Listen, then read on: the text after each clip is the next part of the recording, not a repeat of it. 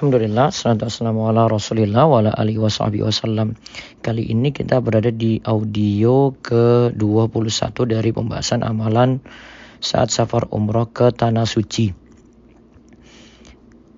Dari Jubair bin Mut'im radhiyallahu anhu berkata Rasulullah sallallahu alaihi wasallam bersabda ya Bani Abdi, Abdi Manaf لا تمنعوا أحدا طاف بهذا البيت وصلى أية ساعة شاء من ليل au naharin. Wahai Bani Abdul Manaf, janganlah engkau melarang seseorang melakukan tawaf di Baitullah ini dan melakukan sholat pada waktu kapan saja, baik malam maupun siang. Hadis ini riwayat Abu Dawud, Tirmidzi, An-Nasai, Ibnu Majah, Ahmad, Ibnu Hibban, Syekh Abdullah Fauzan mengatakan hadisnya ini sahih. Perawinya adalah perawi muslim, sebagaimana disebutkan dalam Minha al-Alam. Coba lihat hadis ini menunjukkan amalan ke-21 yaitu perbanyak tawaf. Hadis ini menunjukkan bahwa boleh melakukan tawaf pada waktu kapan pun. Begitu pula sholat sunnah ba'da tawaf boleh dilakukan pada waktu kapan pun. Meskipun pada waktu terlarang untuk sholat dikarenakan sholat sunnah ba'da tawaf adalah sholat sunnah yang punya sebab. Syekh Muhammad Saleh Al-Munajjid menjelaskan dalam fatwanya yang diringkas sebagai berikut, orang yang masuk Masjidil Haram ada dua keadaan. Yang pertama, yang masuk untuk bermaksud melakukan tawaf untuk haji, umrah atau sekadar melakukan tawaf sunnah, maka yang dilakukan pertama kali adalah tawaf. Ya, yang dilakukan pertama kali adalah tawaf. Orang seperti ini tidak disyariatkan melakukan sholat tahiyatul masjid sebelum tawaf karena Rasulullah Shallallahu Alaihi Wasallam dan sahabatnya tidak pernah melakukan seperti itu Jumhur ahli fikih berpendapat seperti itu yang menyelisih pendapat ini hanyalah sedikit ulama seperti Ibnu Akil dari kalangan Hambali sebagaimana disebutkan oleh Ibnu Taimiyah dalam Syarah Umdah al-Fiqh.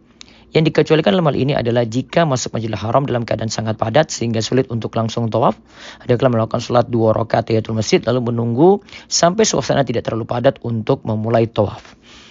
Kemudian yang kedua yang masuk untuk bermaksud sholat, duduk, menghadiri majelis ilmu, berzikir, baca Al-Quran atau ibadah lainnya, maka disunahkan melakukan sholat dua rakaat tahiyatul masjid karena keumuman hadis Abu Qatadah radhiyallahu anhu bahwa Nabi sallallahu alaihi wasallam bersabda idza dakhala ahadukumul masjid fala yajlis hatta yusalliya rakataini Apabila di antara kalian masuk ke dalam masjid maka janganlah ia duduk hingga sholat dua rakaat.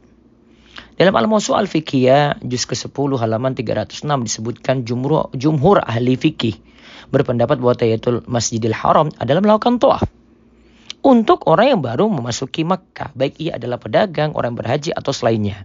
Jadi kalau yang baru masuk Mekah, dia langsung melakukan toaf.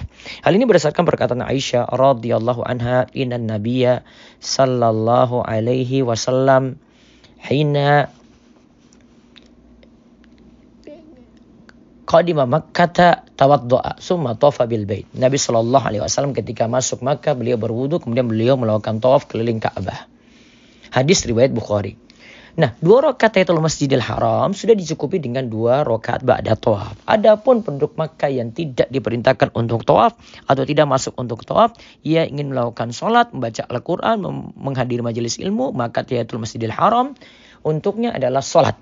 Sebagaimana yang dilakukan untuk menghormati masjid lainnya. Demikian secara ringkas. Intinya, tawaf atau tahiyatul masjid memilih keadaan. Kalau memang maksudnya untuk tawaf, maka langsung tawaf, tidak tahiyatul masjid. Namun kalau memang tujuannya untuk lain, yaitu dia untuk ibadah lainnya, seperti sholat, duduk, menghadiri majelis ilmu, berzikir, Eh, membaca Al-Quran, maka afdolnya dia langsung sholat tahiyatul masjid, mengamalkan hadis perintah, masuk ke masjid untuk sholat tahiyatul masjid dua rakaat. Semoga jadi ilmu yang manfaat dan kita semangat untuk eh, baik untuk umroh, haji, ataupun tawaf saat masuk ke kota Mekah. Allah yubarik.